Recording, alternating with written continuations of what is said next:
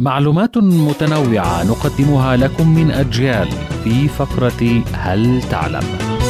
عندما احتل الإنجليز مصر عام 1882 كان لديهم نقص في مترجمي اللغة العربية لعدم رغبة أهل مصر في العمل مع المستعمر فأرادوا أن يوزعوا منشورات باللغة العربية حتى يضمنوا ولاءهم إلى جانبهم فاستعان قسم الدعاية والحرب النفسية في الجيش البريطاني بالمترجم الوحيد الذي يتعامل معه وهو شخص من المنوفية اسمه عمر الوقاد.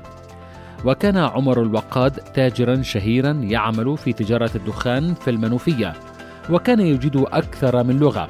وبالفعل تم طباعة المنشور بعد أن قام الوقاد بترجمتها إلى العربية ووزعت منه ملايين النسخ في مختلف أنحاء مصر. بعد مدة من الزمن قام جنرال بريطاني يتقن اللغة العربية بزيارة إلى المنوفية فأخذ بيده حفنة من هذه المنشورات وسأل الضابط المسؤول عن الدعاية ما هذا الذي كنتم تسقطونه من الطائرة في أرجاء البلاد؟ أجاب ضابط الدعاية هذه منشورات لكسب ولاء الأهالي إلى جانب الحلفاء سأله الجنرال المتقاعد وهل تعرف ما هو مكتوب فيها؟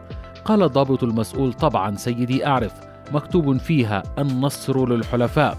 فقال الجنرال ليس هذا المكتوب أيها الغبي وإنما كتب فيها اشتروا أجود أنواع المعسل من عند عمر الوقاد.